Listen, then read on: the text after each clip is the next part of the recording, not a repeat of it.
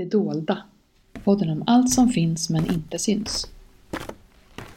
Den här podden produceras av .txt och förlag 404 med stöd av Länsstyrelsen i Jämtlands län.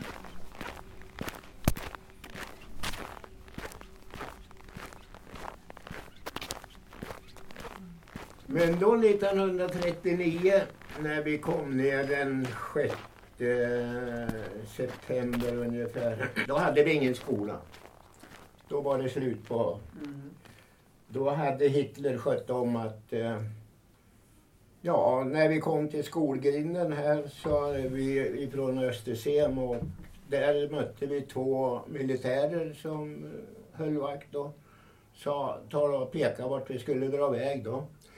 Och den hösten hade vi skolmyndigheterna här i Ås till exempel en otrolig tur att det vart en sån fin höst. Hela september gick vi ju Ja, vi hade våra favorithallar nedanför, eh, utefter Sjöstrand mellan gamla landsvägen som vi säger så, och eh, Sjöstrand. Vi höll till ute helt enkelt. Eh, militären tog hela skolan och för min del tyckte jag att jag hade en sagolik tur. Jag började tredje klass eh, 1939 och hade aldrig tyckt om det här med gymnastik. Jag tyckte det var så löjligt att hålla på och springa och, och jolla på på det där viset. Så att eh, gymnastik det vart ett glömt kapitel. Och, ja, jag gick inte många veckor gymnastik på de fyra år jag gick i skolan då. Eller som man kallar för folkskola på den. Heter det folkskola idag när de börjar tredje klass? Nej, grundskola heter det. Vad sa det? Heter inte mellanstadie? Ja, kanske det. Ja, låg, mellan och högstadie. Ja, något stadie ska man ju vara i. Ja, Välkommen till podden Det dolda, där vi berättar om allt som finns men inte syns.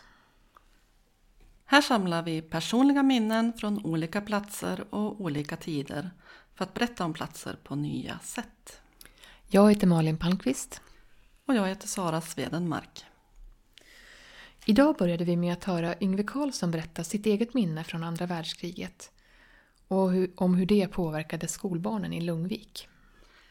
Och det här är ju tema för dagens poddavsnitt där vi ska lyfta fram minnen som har med krig att göra på olika sätt. Vi har ganska många minnen från tiden för andra världskriget och ett minne vi har ifrån Sundsvall berättar också det om hur ett barn upplevde kriget. På Klintgatan 18 bodde min morbror och moster på 1940 och 1950-talet i ett rum och kök. De fick tre barn födda 1939, 1943 och 1953. Moster var duktig på att sy barnkläder. När hon sydde skjortor till äldsta pojken fick jag också en skjorta. Jag var två år äldre. Det var krigstider och svårt med både mat och kläder. 1944, när jag började skolan, var det krigsövning på väg till skolan. Då fick vi gå ner i närmaste skyddsrum tills det blev slut på alarm. Jag bodde på Sjönsmon. Luftvärnet, LV5, övade med att på kvällarna söka med stora strålkastare i natthimlen för att söka upp så kallat fientligt flyg, vilket vi pojkar tyckte var väldigt spännande. Mellan Fridhemsgatan och Björneborgsgatan fanns radiostationen som sände ut Sveriges Radios meddelanden och nyheter. Militära vakter gick runt hela radiostationens område som var inhägnat med taggtråd. Där ligger idag bostadsrättsföreningen Linjalen, strax söder om brandstationen på Björneborgsgatan. Vi barn hade inte sett exotiska frukter förrän kriget var slut då vi fick äta vår första banan. Det var i slutet på 1945. Och det var Bert Sundströms minne från krigstiden i Sundsvall. De minnen som vi har från andra världskriget berättar om hur det påverkade människor och kanske framförallt de människor som bodde i gränstrakterna. Ett sådant minne kommer från Fjällnäs i Härjedalen och Margareta Karlsson som berättar om hur de hade kontakt med släktingar i Norge under den tiden. Mitt namn är Margareta, född Wessel. Jag är uppvuxen i Fjällnäs, en liten by sju kilometer från norska gränsen. Närheten till Norge har påverkat livet i byn, både vad gäller språk och kultur. Under kriget låg byn inom bevakat område och militärer var förlagda till byns hotell och gårdar. När jag föddes i mitten av september 1941 var min far förlagd till gruppen som skulle spränga bron över Andersån om tysken kom. Han bad om permission en timme för att gå en och en halv kilometer för att besöka sin hustru och beskåda underverket som föddes denna dag. Men det fick han inte. På natten lånade han en cykel och stack hem i alla fall. Man har berättat för mig att pappa gick ut på fiskefärd upp mot norska gränsen två gånger per år för att möta sin bror Egil, skott, som bodde i Bräcken i Norge. De bestämde plats och tid en gång varje halvår. Pappa bar med sig radioapparater som han överlämnade till Egil. Jag har aldrig, förrän när jag läste en norsk dokumentär från andra världskriget, förstått varför han smugglade radioapparater. När tyskarna kom och intog Norge tog de också alla radioapparater, förstörde dem eller gömde undan apparaterna i bevakade förråd. Radion var en viktig informationskälla kring vad som hände under kriget. Detta blev befolkningen utan. Tydligen var det möjligt att få tillstånd att åka över gränsen om det var något speciellt. På hösten efter att jag blivit född kom en dag en hästskjuts in på vår gård, berättade mamma. På flaket satt två tanter inlindade i sjalar. De hoppade av och kom in i köket med träbyttor. I dessa fanns det gröt och ost. De kom med gröten som vi säger i Härjedalen, alltså för att lösa ut luva, som är ett annat begrepp för uppvaktning när ett barn blivit fött. Mamma var ensam hemma och blev lite rädd för tanterna. Hon hade aldrig träffat dessa tanter som kom in i köket och började rumstrera om med sina byttor, för nu skulle det ätas. Det visade sig att det var mostrar till min pappa och hans mor, morbror Ola Skott.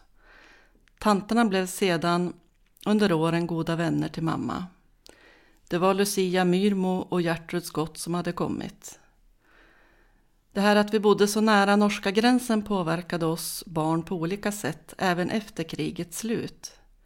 Vi kallades en period för socker eller margarinungar. Socker och margarin var billigare i Norge och man fick köpa en viss mängd beroende på hur många som åkte i bilen. Vi tillfrågades att åka med till Vauldalen, 11 kilometer från Fjällnäs. Som ersättning fick vi 10 öre eller en godispåse. Man var stolt när man hade tjänat ihop detta. Det smugglades också mycket åren efter krigsslutet. När vi åkte till Norge för att hälsa på släktingar hade jag nya kläder på mig när jag åkte dit. Hem åkte jag i mina gamla vanliga kläder. Skor och tyg var nog det vi smugglade mest. Min mamma rullade tygstycke på tygstycke runt midjan och satte en lös tröja ovanpå detta. Det måste ha varit jobbigt att sitta i bussen de två mil vi hade till Bräcken. Och det var alltså Margareta Karlssons minne från smugglingsfärder över gränsen från västra Härjedalen till Norge. Ett annat minne från Härjedalen som också kommer från tiden för andra världskriget det är Astrid Hjelms minne från byn Högvålen. Året är 1942 eller kanske 1943. En sommareftermiddag kom ett par in på vår gård. Kvinnan var rödhårig och mycket elegant. Mannen i hennes sällskap var också väldigt prydlig. Pappa, som alltid gick besökande till mötes, gjorde naturligtvis så även denna gång. Kvinnan frågade om det fanns telefon i gården och om hon i så fall fick låna den för att ringa ett samtal och naturligtvis fick hon det.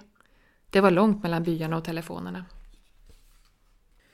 Detta var långt före mobiltelefonernas tid också och i vår by fanns bara fem abonnenter. Mannen och kvinnan bjöds in i gammelstugan där vi bodde på somrarna.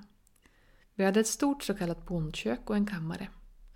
I köket stod telefonen på skrivbordet som alltid flyttade med till stugan.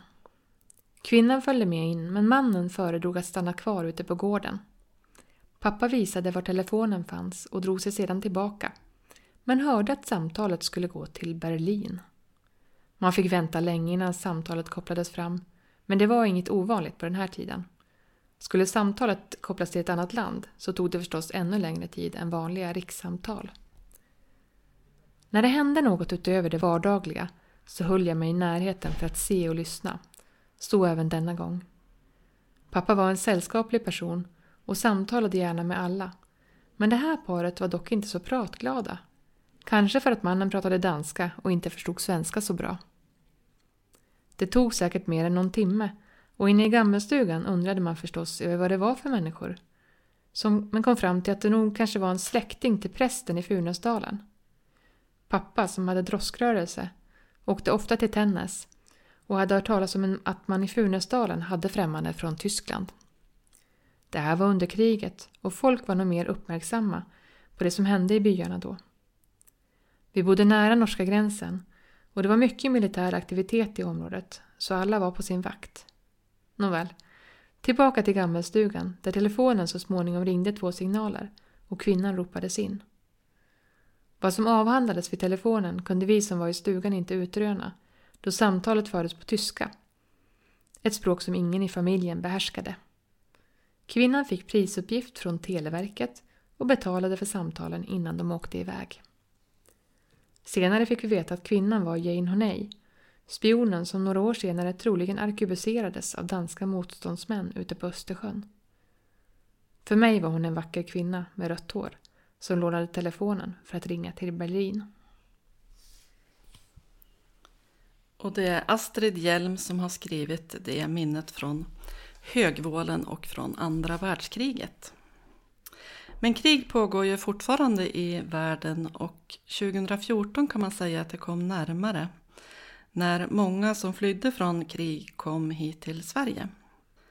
Vi har ett minne som berättar om det första mötet med Jämtland.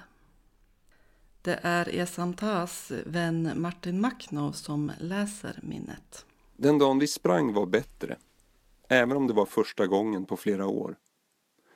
Den dagen började jag lära känna nya vänner från olika länder.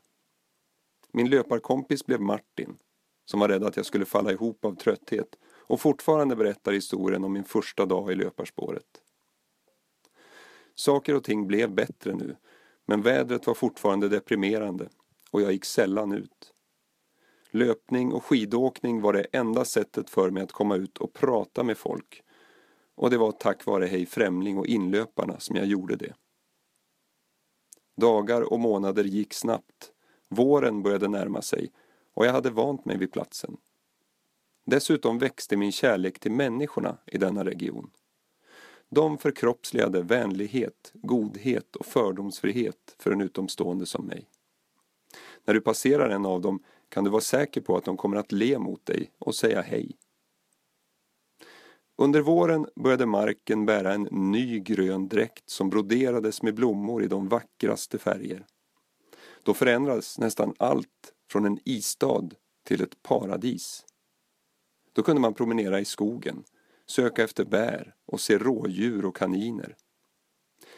I Östersund hände spännande saker. Staden som var lugn för en månad sedan hade nu bullriga gator fyllda med människor och det fanns vackra stränder vid sjön.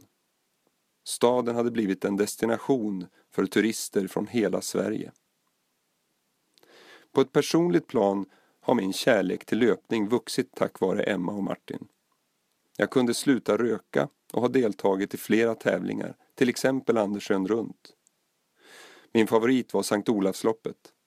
Jag tillbringade två av de bästa dagarna i mitt liv i Sverige med mina bästa vänner och såg vacker natur som jag inte sett maken till tidigare. Det är ett paradis på jorden, Jämtland.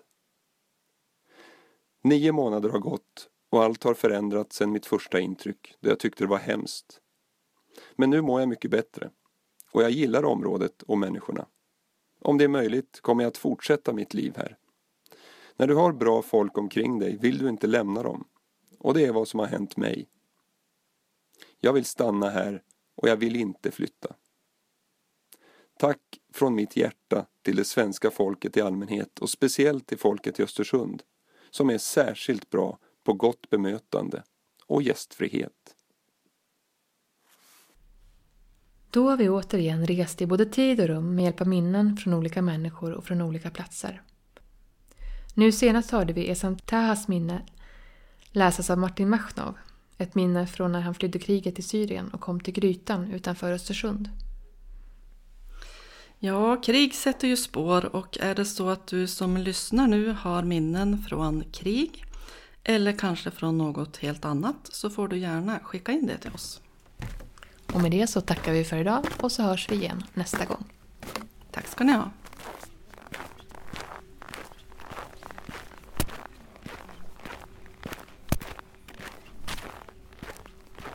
Det dolda. Podden om allt som finns men inte syns. Den här podden produceras av .txt och förlag 404 med stöd av Länsstyrelsen i Jämtlands län.